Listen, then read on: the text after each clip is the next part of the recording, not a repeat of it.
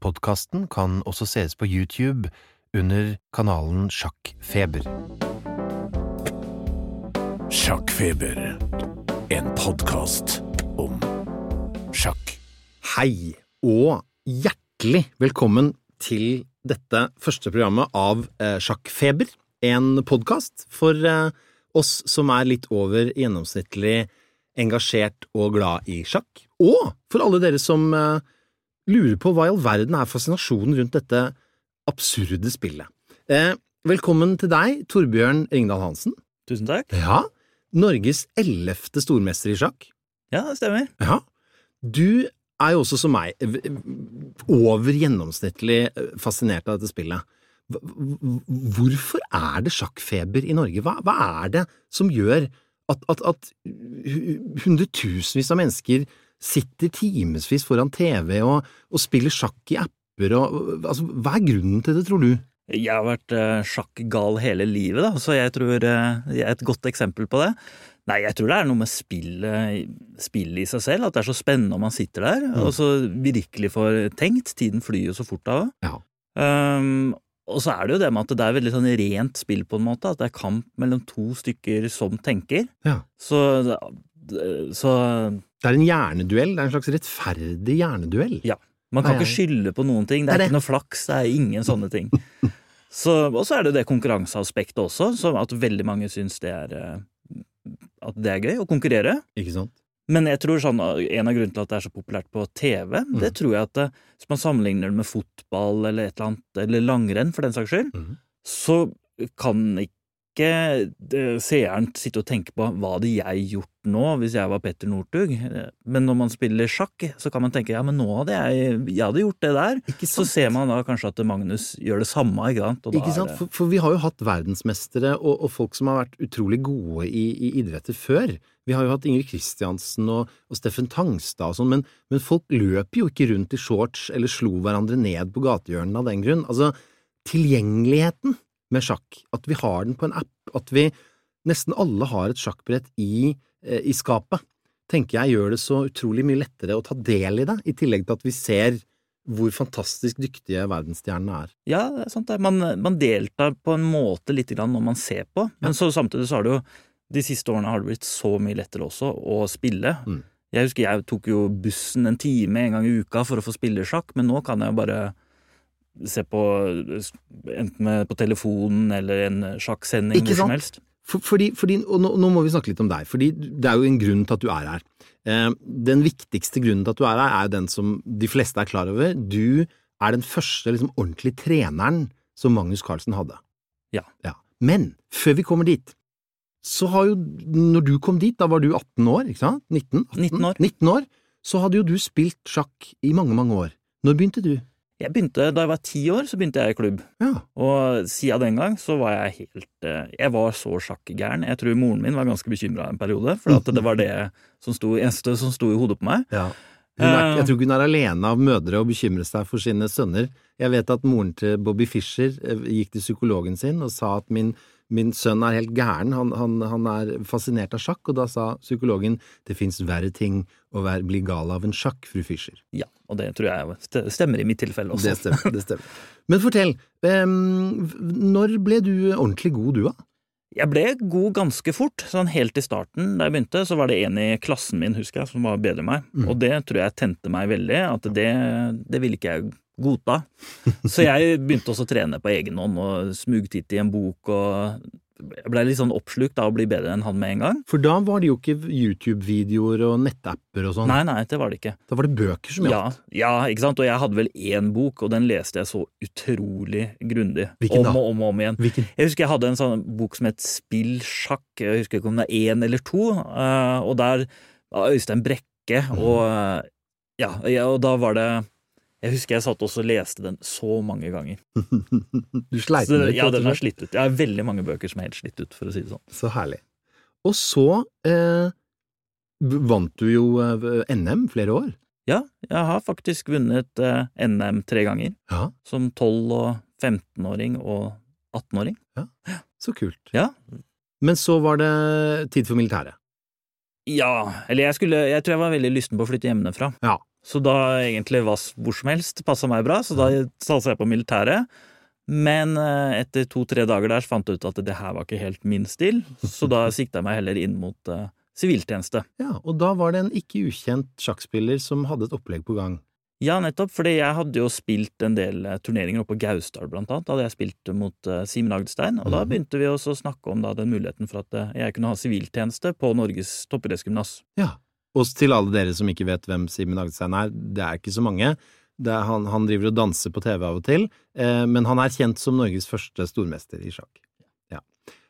Så han tilbød deg rett og slett å, å være sivilarbeider på sjakklinja på Ja, ja. NTG? Og det var jo helt eh, perfekt for meg, at jeg kunne være der hvor det bare osta av sjakk hele tiden, og følge undervisninger og være med på turneringer og gjøre sånn eh, småarbeid selv, og undervise en del. Det hørtes helt herlig ut. Ja, ja, Og så jeg hvorfor koste gjorde meg ikke altså, jeg skikkelig. det? Ja, ikke sant? Eh, men så, så en dag, så, så, så eh, dukker det opp en, en forespørsel. Det er jo sånn at av og til så blir man jo kontakta av en- ulike som ønsker litt eh, privattrening, Mm. og da ble Simen spurt av en eh, far om, eh, kunne te- om eh, vi hadde en trener til sønnen. Ja, Og da tenkte han det er jo en fin oppgave for eh, sivilarbeideren. ikke sant. Den delegerer vi vekk, tenkte Simen Agdestein. Ja. han Og var jeg kanskje- var jo ikke akkurat i noen posisjon til å si nei takk, det, så da Han var sjefen din? Ja, han var sjefen Ja. min. Så da sa du ja, jeg får se på han gutten her, da. Ja. Eh, hvor gammel var denne gutten? Da var han ni år, Da var han så helt i starten da jeg hadde han, så var det da at man, det var en, to eller tre stykker, det varierte lite grann, Ja. som jeg hadde samtidig. Ja. Så da var det Og da skjønte du på et eller annet tidspunkt at denne niårige Sven Magnus Øen Carlsen var litt bedre enn de andre. Ja. Han eh, Jeg husker første gang han var der, så var han ikke noe sånn eh, Han var ikke noe fantastisk med én eneste gang. Eh, Og han hadde også spilt en del sånne Barnas Grand Prix-turneringer og sånn, og da hadde han ikke hevda seg noe vanvittig. Nei. Og på det tidspunktet hadde han da en rating, et ratingtall på 900, og det er ikke noe sammenligna med dagens Oi, oi, oi! Unnskyld. Sammenligna med dagens eh, barn, så er ikke det noe veldig, veldig sånn spesielt. Men det som var, eh, han utmerka seg på, var at han ble så f- vanvittig mye bedre så fort. Ja. At han eh, Det var et helt vanvittig tempo hvordan han utvikla seg. Ja. Og han økte ratingen på det året du jobba med han, med, med nesten 1000 poeng. Ja, det var 1000 ratingpoeng han økte da. På ett år. Ja. Og til de av dere som ikke helt skjønner hvor, hvor vanvittig mye det er, ehm, så tror jeg jeg på mitt beste har økt ratingen med 70-80 poeng på et år. Ja, og, og jeg er jo virkelig dårlig i sjakk. Ehm, så det er, det er helt svimlende mye. Jeg tror jeg jeg husker i starten, når han hadde 900 i rating, en av de tingene som han bekymra seg for, Mm. var om han eh, ville klare å krysse 1000 i rating. Ikke, Ikke da, sant? ikke da gå opp 1000, men bare komme seg over 1000. Ja. Så det, det husker jeg han spurte meg om når, vi gikk, når jeg fulgte han hjem fra eh, denne sjakken. Er eh, Tror du det er lenge til jeg kommer over 1000 i rating? Hmm, Hva svarte du da? Ja, jeg husker ikke helt hva jeg svarte, men kanskje jeg prøvde å ikke gire han opp for mye, da. Ja, vi får se, kanskje. Ja, ja. Må ha tålmodighet. Og så skjer det noe. Så begynner han å, å spille partier som er sånn Virkelig mye bedre enn de eh, på hans samme alder. Ja. ja. Jeg husker som eh, da han var ti år, så spilte han hvis jeg husker riktig, spilte han remis mot junior-norgesmesteren. Ja. Regjerende junior-norgesmester. og ha- Det er jo under 20 år. Så allerede som en 10-11-åring tenker jeg at han var den beste juniorspilleren spilleren i Norge. Men hva er grunnen til at Magnus er så eh, utrolig god, eller, og bedre enn enn alle i verden akkurat nå? Hva, hva, er det som, hva er det han har som andre ikke har? Jeg tror det er en, det er helt grunnleggende. Han har en sånn kombinasjon av flere ting. Han har jo eh, Han er veldig smart, det er det jo ingen tvil om. Ja. Eh, men så har han også en sånn veldig spesiell følelse hvor, hvor brikkene hører hjemme. Mhm. Eh, Så han er ekstremt god på å posisjonere seg og manøvrere. Og i starten så var han jo litt mer utprega eh, en spiller som spilte veldig taktisk og regna veldig mye. Mhm. Så etter hvert så fikk han en veldig allsidig spillestil. ehm, og han behersker egentlig alt. Det Rett er og det slett, gjør. han er en slags universell sjakkspiller. Ja.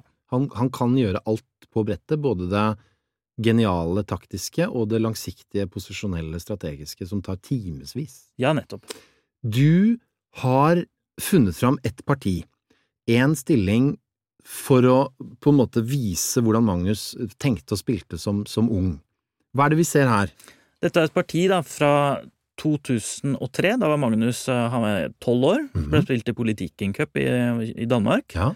Og Da møter han en eh, nordmann, Hans Krogh Harestad. ja. Og det som er litt spesielt med det partiet her, da, er kanskje ikke Det er ikke den type sjakk her vi kanskje kjenner Magnus fra i dag. Nei, for dette er ikke noe sånn langsomt sluttspill eller én bonde over som han gnir på i en tre timer. Nei, for hvis vi ser på Magnus' gamle partier, så var det sånn at han eh, spilte ekstremt eh, taktisk og aggressivt. Han nærmest han kasta seg over motstanderen. Mm. Eh, og dette er- her er et eksempel på det. På den alderen her så spilte han veldig, veldig hardt. Kan du Altså, vise oss eh, trekkene? Ja. eh, noe av grunnen her til at eh, Magnus tenkte at nå er det riktig å angripe, Mhm. er at han har så mange brikker i angrep. Ja. Han har seks angrepsbrikker med, Ja. og så er det bare noen få brikker rundt eh, den svarte kongen. To, kanskje, ikke sant? Ja, kanskje, Store. men det- jeg ville nok regna med Bøndene, bøndene selvfølgelig. også, og springeren også, Ja, så det men er kanskje to liksom en offiserer. tre-fire brikker rundt ja, der. ja. Og fordelen med å ha et stort overtak er jo da at man gjerne kan liksom ofre bort noen for Ja. å f- åpne opp mer, Ikke sant. og det var det Magnus gjorde nå. Først bestemte han seg at ja, han må få bort den bonden her, rett foran svart sin konge. Ja. Så han starta da med også sjakke med springeren. Og sette den rett i slag. Og det ser man egentlig ganske ofte, at noen ofrer en springer for å Ja. få noe tilbake. Men her, det som er spesie- spesielt her, er at det følger opp mer ofre, da. For nå tenker jo Harestad ha-ha, eh, her er det en sjakk, nå får jeg vekk en av angreperne. Eh, Jeg kan jo ikke, han kan jo ikke ikke ta imot den, det offeret. Kanskje han kunne prøvd også eh, prøve å rømme av gårde, men da er det jo klart at hvit har for Ja. alvor kommet igjennom her, så han eh, ser ikke helt hva som skjer nå. Han Så slår. Harestad slår. Ja. Bort med den springeren. Og Og da, så- da, det Magnus har lyst til nå, er også å prøve å få tårnet inn i spill, Inn til F7. inn til F7-feltet. Og da må han få vekk bonden på F6. Ja. Og det gjør han da på den mest brutale måten. Typisk da når man angriper, så lønner det seg at det, ting skjer med sjakk, og at det er litt tvingende trekk. Ja. Derfor slår han med dronninga. Han ofrer rett og slett dronningen. Svart er noe i sjakk, Ja. Eh, og han har ikke noe bedre enn å slå den. Ja, for hvis han går dit, så er det sjakkmatt. Ikke sjakkmatt der, men eh, Men- med sjakkmatt med springeren. for Ja, men hvis ikke- springeren òg, ja. Ja, nettopp. Selvfølgelig. sånn. Og hvis han går ned med kongen hit, så Ja. er det dronninga helt ned. Ikke sant. Så Sånn han er må slå den. Han er mer eller mindre nødt til det. Vi tar imot det dronningofferet, Harestad. Lykke til. Og da fikk han Og så kommer sjakken der. tårnet ned med sjakk. Men nå kan jeg jo bare ta springeren. Det var det han gjorde også. Det var det Harestad gjorde. Ja. Han slår springeren på H6. Og det samme hadde skjedd hvis den hadde gått et annet sted. Ja. Og da er det Tårn slår H7, sjakk, matt. sjakkmatt. Og det er jo da Sjakkspillere er veldig glad i sånne fine matter. Så at det, når jeg tenker på det partiet her, så husker ikke jeg hva som har skjedd før. Det er liksom sluttstillingen her som eh, jeg tenker på, da. Og det er, eh, det er en vakker matt, da. Og Magnus har ofret dronning og to springere for å komme til dette mattbildet. Det er jo litt artig når svart har en hel haug av brikker på andre siden av brettet som Ja. ikke er med. Og De så, står her borte. Altså- Ja. De, er på en måte, de har pengene i en annen bank, som man sier i teatret. Ja. De er med på noe annet. De er ikke med på, på den matten. Herlig. Men når verden så dette her, når, når, når dette partiet ble kjent, og når, når du så denne sluttstillingen for første gang, var du med, var du i Danmark selv, eller nei, så du det, etterpå? det her var litt etter at jeg hadde jobba med Magnus. Ja? Um, Hva tenkte du da, når du så Jo, denne dette er- måten å vinne på? Ja, jeg syns jo det bare er fantastisk gøy, syns jo jeg. Jeg tror ikke at det var et, et parti som fikk veldig mye oppmerksomhet rundt i verden, det Nei. tror jeg ikke. Men at hvis man har en oppgavebok hjemme, så er det ganske stor sannsynlighet for at man finner akkurat denne stillingen der. Mm. Eh, men eh, nei, det var litt, mer, litt tidligere, faktisk, at jeg jobba mye med Magnus enn det her. Herlig. Eh, nå eh, har jo Magnus utviklet seg som spiller. Nå er han jo eh, Og ikke bare som spiller, som, som, som businessmann. Han har vært modell, ikke sant. Han, han, han er overalt.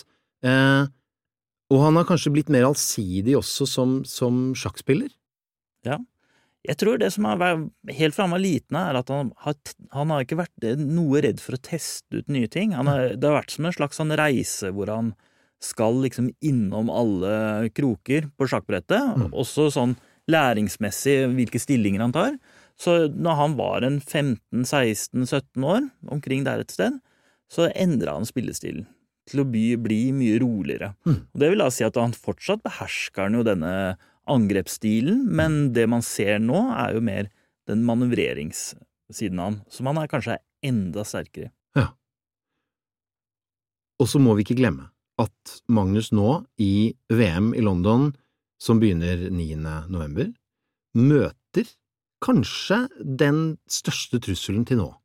Ja, det tror jeg er ganske sikkert at han gjør. Ja, At det er en eh, up and coming, og som eh, også har vist flere ganger mot Magnus at han, eh, han er ikke redd når han setter seg ned. Han prøver å vinne. og mannen vi snakker om er selvfølgelig Fabiano Caruana, eh, amerikansk-italiensk, eh, kjempetalent, noen år yngre enn Magnus til og med, så nå er ikke Magnus bare regjerende mester, han er også den eldste. Og det er jo… Altså, hvordan påvirker det ham, ham psykologisk, tror du? Jeg tror, eh, jeg vet ikke om det, han bryr seg så veldig mye om han er eldst, ja, egentlig, fordi at han møtte jo Karjaken forrige gang, og Ja da. de var omtrent det samme. Ja. Men at det som jeg tror kan påvirke, det er jo at Magnus er jo i en forsvarsposisjon. Han Ja. har jo alt å tape, Ja. Eh, og den, den tanken der er jo, den kan jo plage noen og enhver, den. Og Caruana har ikke kommet til London for å forsvare seg. Nei. Han, er- han er der, dette er hans livs, eh, livssjanse da, til å skape sjakkhistorie. Rett og slett. Og du har jo en, en artig eh, historie rundt Caruana, og treneren til Caruana. Ja, jeg har jo det. Fordi at eh, jeg jobber jo i, til daglig så jobber jeg i Play Magnus. Ja. Så jeg har jo eh, en eh, Jeg har jo god kontakt med, med, med Magnus på den måten. Det er Magnus sitt selskap. Det er Magnus Ja. sitt selskap. Eh, Men i ganske mange år så har jeg- klubben min og jeg vi har hatt eh, treninger med en som heter Rustam Kasimdanov. En tidligere FIDE-verdensmester. Ja, han Og- er tidligere FIDE-verdensmester, og han har også vært eh, da hovedsekundanten til Anand tidligere, når eh, Magnus spilte VM-matchen mot han, Mhm. men også nå mot eh, Han er også nå hovedsekundanten til Caruana. Så treneren til Caruana. Treneren til Caruana. Ja. Og han hadde du hjemme hos deg en Ja, for vi hadde ettermiddag. For jeg eh, Av og til så har jeg noe Vil jeg lære sjakk av noen som er bedre enn meg også? Nei, du tuller. Ja, det, det, nei, jeg må jo det. Så herlig. Jeg prøver jo å bli bedre. Ja. Og da var han hjemme hos meg, og da titta vi på litt åpninger og diskuterte ting. Ja. Og så viser han meg en eh, stilling og sier at eh, her sliter vi med å finne noe, jeg og eh, Fabiano. Ja. Eh, Så si fra hvis du finner noe her, da. Sa han til deg. Det sa han til meg. Og jeg tror egentlig han tulla litt. For jeg tror ikke han tenkte at jeg eh, tok den utfordringa. Men du tulla ikke. Nei, da tenker jeg at ja, det hadde, nå hadde det vært skikkelig gøy å finne noe her, så da bruker jeg endeløs eh, timer for å faktisk prøve å finne noe. Du satt konsentrert om dette problemet Ja, i ikke sant? flere døgn. Da sitter jeg da med computer og sitter med å jobbe meg tilbake, fram og tilbake de variantene og prøve å finne er det noe, noe ingen har tenkt på her før. Ja. Og så til slutt så klarte jeg altså å finne et trekk som jeg syntes var helt, helt rått, egentlig, og at jeg tenkte det her skal man være skikkelig god for å så komme seg unna. ja. Og hva gjorde du da? Da tok jeg og så sendte den til, eh, til Rustam, Kasimdano, Mhm. og da fikk jeg mail ganske fort tilbake. Bare jøss, det her var spennende, får jeg lov til å vise det til eh, Vise, vise det til Fabiano, så fikk jeg en e-post rett etterpå s- hvor det da sto 'nei da, du kan bruke den selv'. Altså, han ville ikke bruke den. Han Han tenkte- syntes det var så genialt Ja, han at Altså, du syntes det var liksom, nei, fortjente det- å bruke det- den. Ja, nettopp. Han tenkte 'det her var jo noe du fant, det her skal du bruke'. Ja. Og da sier jeg nei, det kan jo godt hende aldri jeg får brukt det her i det hele tatt, og jeg syns det er bare gøy å være med og hjelpe litt. Ja. Så det som da skjedde et par måneder etterpå, så sitter jeg altså og følger med på en turnering i USA, og da møter da Caruana møter han eh, Maxim Vashiela Grav, Ja. og plutselig da så ser jeg mitt trekk bli jo gjort i den turneringa, en turnering der hvor også Magnus spiller. Du satt og så på sendingen, Sinkfield Cup, Ja. og, og du ser trekket ditt bli spilt Ja, altså- ikke på, da? på toppnivå i verden. Ja, og det, jeg var jo helt i ekstase, og det som var litt morsomt der, at det, var- det var jo de kommentatorene der også, Å ja. Så de analyserte jo det trekket der bortimot en halvtime og prøvde å skjønne alt, og de lurte på hvordan er det hvordan er det Caruana egentlig finner alle disse trekkene hele tiden? For han er litt kjent for disse åpnings... Disse geniale trekkene. Ja, han er jo det. Og så da var jo Partiet endte i, endte i remis, selv, Ok. om, eh, selv om Caruana pressa underveis. Ja. Men det som var veldig morsomt da, når han fikk spørsmål da, på hvordan han, eh, hvordan han finner sånne ting, så da sa han at nei, det var min venn Torbjørn fra Norge som eh, han var utelukkende basert på hans analyser.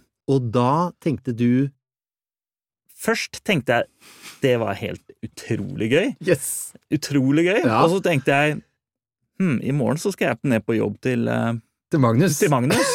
og dette Og så tenker jeg er det var erkefienden. kanskje litt eh, ikke helt riktig av meg, men det hadde jeg ikke tenkt på i det hele tatt. for Jeg, det var bare en morsom greie for meg. Og dette syns jeg er et av de beste eksemplene på hvordan spillere på toppnivå og på et veldig høyt nivå tenker om sjakk.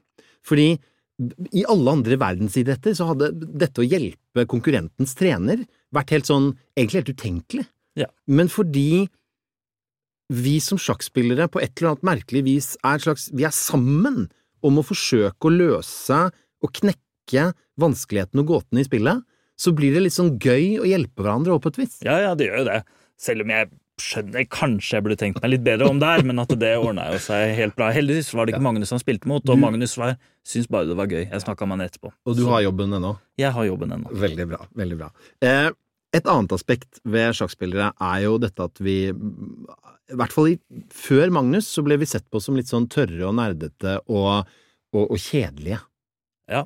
Og Det- nå ehm, Ja, har du, har du kjent på den? Ja, det var kanskje ikke det jeg hadde mest lyst til å si når jeg skulle på fest. At eh, hva driver du med da? Jo, jeg jobber med sjakk, jeg. Jeg husker at jeg tok med meg av og til sjakkbrett ut på byen, på pub og sånn, eh, og spilte litt sjakk med både kompiser, men også fremmede, av og til noen eldre menn fra Tyrkia og sånn, som lurte på om de kunne spille da.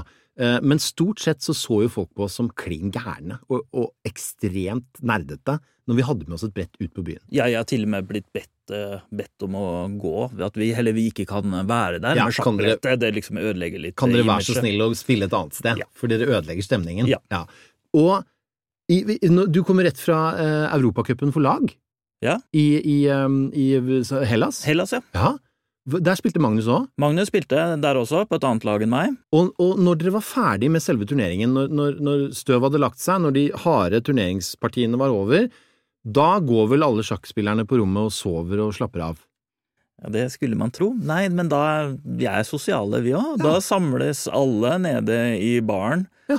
ved, på hotellet, Aha. og der sitter man og spiller lynsjakk og koser seg utover, utover natta. Og Helt tar til en- det stengte, så måtte alle forlate det. Men da tror jeg ikke det var mange som hadde gått før det stengte, for å si det sånn. Og da sitter Magnus og spiller lynsjakk mot alle som vil, nærmest? Nei, jeg tror han øh, ikke kanskje Han har liksom noen faste han liker også å sitte og spille med, Ja. men at det står jo en enorm gjeng rundt og følger med, og det er litt forskjellige som får prøve seg også. Ja.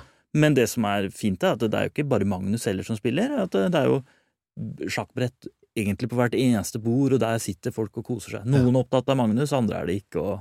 Og så kjenner jo jeg, når du beskriver dette, så kjenner jeg at dette, er- dette høres helt fantastisk ut. Det er jo, det fins jo ikke noe sånt sted hvor man kan ta en øl, ta en kaffe, slå seg ned, spille mot ukjente, mot venner, hvor det er sjakk overalt. Det, det, det fins ikke noe sånt sted egentlig i hele verden. Nei, det finnes ikke sånn sted hvor det er utelukkende at det her er det garantert også å møte noen. Det er, jeg ser av og til på noen kafeer sånn at det er et sjakkbrett i bokhylla der, men ikke et sted hvor det bare oser sjakk av. Det finnes ikke, nei. Og det har du og din venn og kollega Lars Petter eh, gjort noe med. Og nå skal vi få Lars Petter inn i eh, eh, studio til å snakke litt mer om det. Fordi om noen dager bare så åpner eh, eh, sjakkpuben. Hei! Hei! Velkommen. Takk. Så hyggelig. å være her. Slå deg ned. Hei, Torbjørn. Hallo, hallo.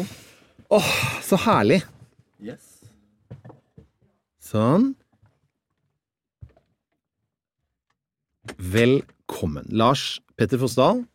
Ehm, s- si et par ord om deg selv, for du er jo ikke sjakkspiller.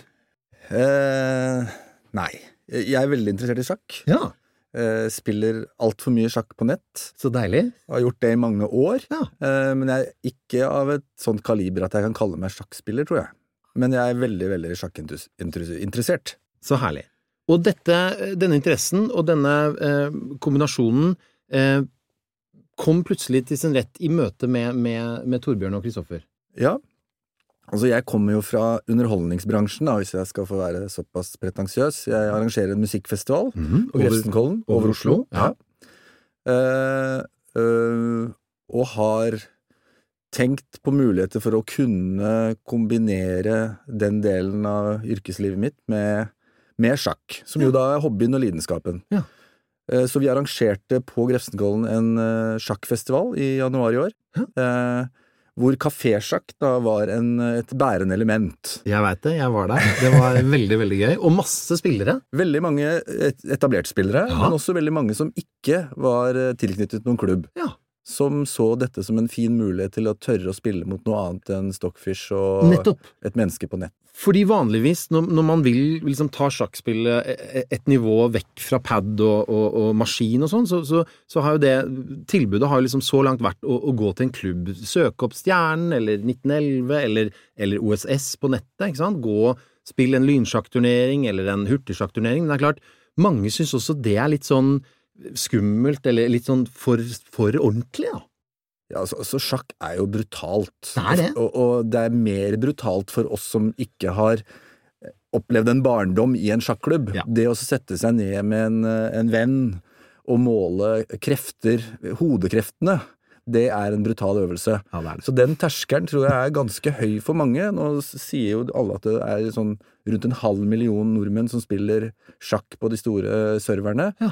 Og det er klart at for veldig mange av de så er sjakk et litt sånn ufarlig spill. Du kan tape på nett, og så kan du slå av lyset og gå og legge deg, og Ja. ingen, ingen erter deg for det dagen etterpå. Nei. Men, men det å møtes over et, et bord, eh, ansikt til ansikt, det er en tøff eh, det er En høy terskel, tror jeg, for Ja. mange. Har du dristet deg inn i en sjakklubb? Jeg eh, var eh, Jeg er medlem i Stjernen. Ja, så hyggelig. ja, ja. eh, Jeg ble medlem i år. Ja, jeg har Eh, ikke sett deg der så ofte, tror Nei, jeg. jeg var der én gang. Ok, bra. En gang. Klasse, avde- eh, klasse tre, klasse fire, klasse fire heter det vel. ja. Eh, Og det var, jeg var dritnervøs. Det var helt forferdelig. Ja. det var så grusomt. Men eh, det var gøy. Men nå Ja. får Norges befolkning, og for så vidt resten av verden, hvis de har lyst til å komme til Oslo, en mulighet til å gjøre noe med dette. Nå, nå, nå lager dere rett og slett en pub som har sjakk som, som ikke bare bakgrunnsteppe, men også forgrunnsteppe. Ja, det er jo ikke bare pub. Det er jo en bar. Det Ja. er et, eh, et sjakkhus. Og en butikk. Butikk, ja. Og du skal gjøre mer der òg, Jeg skal ha masse kurs, og vi skal sende partier live fra VM og Ikke sant? Så det kommer til å ose av sjakk der fra morgen til kveld. Og fra morgen til kveld, altså, for det, for det blir jo ikke bare et utested, det blir også en kafé. eh, Man kan, man kan kjøpe en brus eller kaffe. Det er også lov. Og, men hvor, hvor tidlig skal dere vekke sjakkspillere for å, for å skremme dem ut og spille, da? Nei, altså vi, er- vi skal være døgnåpne nærmest. Vi, vi åpner klokken ti på formiddagen Ja. og stenger eh, ja, er det ikke ett på hverdager og tre på fredag og lørdag. Så Hvor, hvor, Så ligger, vi- hvor ligger dette stedet? Det ligger i Badstugata, Ja, gjør det? Eller midt i Oslo sentrum. Ja. Like ved Rockefeller og Tilt, for de som har vært i området ikke sant? Rett inn fra Torgata der. Ja. kult. Og, eh, Men, men dere har ikke åpnet ennå? Nå Nei, står men dere vi og er fulle av maling og, Jeg ser det. og vonde rygger og sånn, så vi, Ja. vi pusser opp nå. Det er en uke igjen når vi sitter her, da, men altså onsdag eh, 7. november så, så lukker vi opp herligheten, altså. klokka Eh, 18.00 har vi vel sagt at vi Klokka 18, ja. klipper eh, snora. 00. Ja. Onsdag 7. november, To dager før VM-matchen starter. og navnet på puben er Vi har falt ned på The Good Night med en K der, så det Altså- er eh, Springeren. riktig. The Good Night. Ja. ja. Og en eh, dobbel eller trippel betydning av ordet også, sikkert. Ja. Jeg kjenner at jeg gleder meg eh, som et barn til julaften, som en konfirmant til 17. mai, som en konge til nyttårstalen. Jeg tror dette blir helt suverent, og jeg tror det blir et sted hvor eh, de som er fascinert av spillet, de som syns det er hyggelig med det sosiale, men ikke nødvendigvis har lyst til å notere trekkene sine og sende dem inn til en internettdatabase, kan få en mulighet til å skjønne og, og, og rett og slett dyrke kjærligheten sin for dette fantastiske, interessante, fascinerende spillet. Ehm, jeg foreslår at vi, at vi skåler for eh, The Good Night, Ja. Eh, og ikke minst at vi også skåler for Magnus. Ønsker han lykke til i VM den eh, 9. februar. Men før det, to dager før, 7. februar, så åpner dere, og alle partiene kan følges. Å yes, dette blir som en eh, fotballpub, bortsett fra at vi, Det blir sjakk. vi sitter og venter på neste trekk. Blir det sånn gjett-trekket? Ja, ja. Ja, ja. må Er det bli- sant? Ja, ja. Vi, vi må jo få lov å tillegge at vi, at vi, vi tar jo dette enda et steg videre. Eh, altså, vi, vi har jo en stormester på jobb. Ja. Jeg vet ikke om han får lov av kona å, å stå i baren og jobbe, Og det må han. men han kommer til å være der mye. Ja. Eh, og det å være på mitt nivå og få lov til å møte de store gutta i en simultansjakk Ja. er jo som å være på Løkka for, og få trikse med Messi. Altså det er, det, Rett og vi, slett. og vi har ingenting å tape. Så hvis vi bare kommer fra det med å ha stått ålreit etter 15 trekk, made my day. Og vi kan til og med skylde på at vi kanskje tok en øl eller to for mye, og det var derfor vi tapte. Helt sikkert. Sant? Ja. Og du, Torbjørn, du har jo, du må jo Altså, hjertet ditt må jo eh, eh, slå en salto når du får lov å være i det pubsjakkmiljøet hvor du jo møtte din kjære. Ja, nettopp. Det var sånn Ja. jeg møtte henne. Jeg arrangerte kafésjakkturnering. Og jeg bare et, Det fins ikke noe bedre sted for meg å være enn på en sjakkturnering hvor det bare er sjakk. Masse sjakkliv. Det er eh, mitt favorittsted. Så herlig. Da eh, sørger vi for at det blir fleres favorittsted, og så sier vi lykke til, og skål. Takk for det. Skål. Takk for at du har lyttet på Sjakkfeber. Denne podkasten er spilt inn hos Nitro med tekniker Christian Bjørge bak spakene.